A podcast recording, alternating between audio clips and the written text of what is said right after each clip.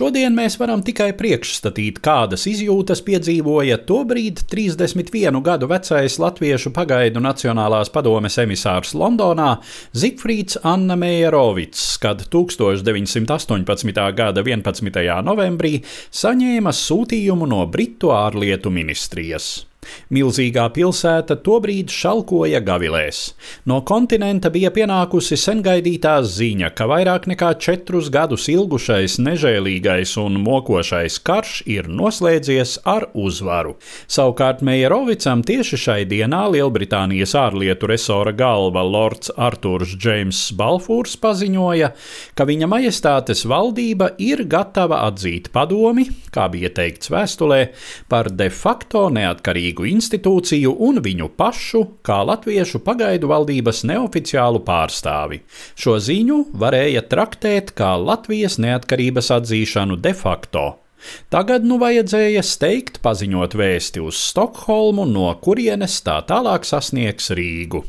Jau kopš 1918. gada oktobra, kad Vācijā sāka izvērsties revolūcijas procesi un vācu okupācijas vāra Latvijā atslāba, dzimtenē sāka atgriezties tie latviešu pagaidu Nacionālās padomes darbinieki, kuri līdz tam bija atradušies padomju Krievijā, uzturot sakarus ar Antantes valstu diplomātiem un Krievijā joprojām lielā skaitā esošajiem latviešu bēgļiem. Tomēr atgriežoties, viņi priekšā neatrada gluži tukšu vietu. Praktiski visu vācu okupācijas laiku Rīgā bija darbojusies politisko partiju apvienība Demokrātiskais bloks. Okupācijas varas apstākļos bija iespējama tikai nelegāla darbība, tomēr bloka politiķiem bija izdevies iedibināt kontaktus ar atsevišķām vācu sociālistu aprindām un caur tām iespēju robežās pretdarboties Vācijas aneksijas plāniem Latvijā.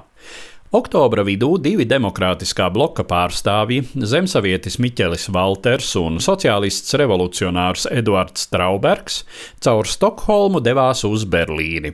Gan presē Stokholmā, gan notā, kas Berlīnē tika iesniegta nesen ieceltajam Vācijas parlamentārās valdības vadītājam Bādenes princim Maksimiliānam, abi pārstāvji, kā latviešu nācijas pašnoteikšanās tiesību īstenotāju, pieteica kādu latviešu nacionālo komiteju komiteju.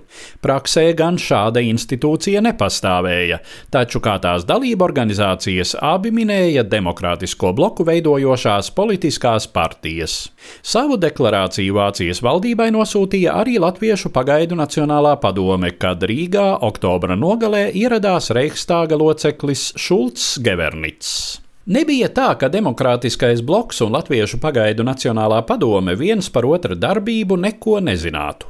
Abas organizācijas daļēji veidoja vienu un to pašu politisko partiju pārstāvji, un ir liecības, ka abu institūciju dalībnieki vismaz kopš novembra sākuma regulāri pulcējušies kopīgās apspriedēs.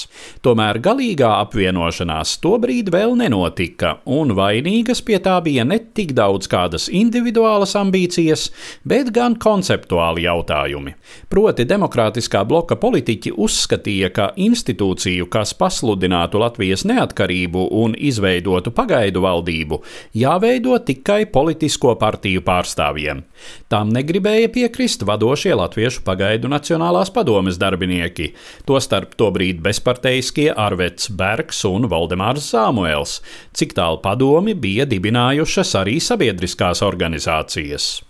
1918. gada 12. novembrī, kad Meijerovica no Londonas sūtītā ziņa par de facto atzīšanu sasniedza Rīgu, kompromiss vēl nebija rasts. Nacionālās padomes finanšu nodaļas priekšnieks Adolfs Klīve šai dienā sastapis savu partijas biedru un vienu no demokrātiskā bloka līderiem Kārli Ulmani un steidzis pasniegt viņam šo karsto jaunumu, uzklausījis visai skābu reakciju. Latviešu pagaidu Nacionālā padome un Meijerovits ar visu viņa atzīšanas rakstu esot vien gadījuma faktori. Stāstīja Eduards Liniņš. Stāstījums sagatavots izmantojot Jāņa Tomaševska darbu Neatkarības čuksti Latviešu pagaidu Nacionālās padomes vēsture.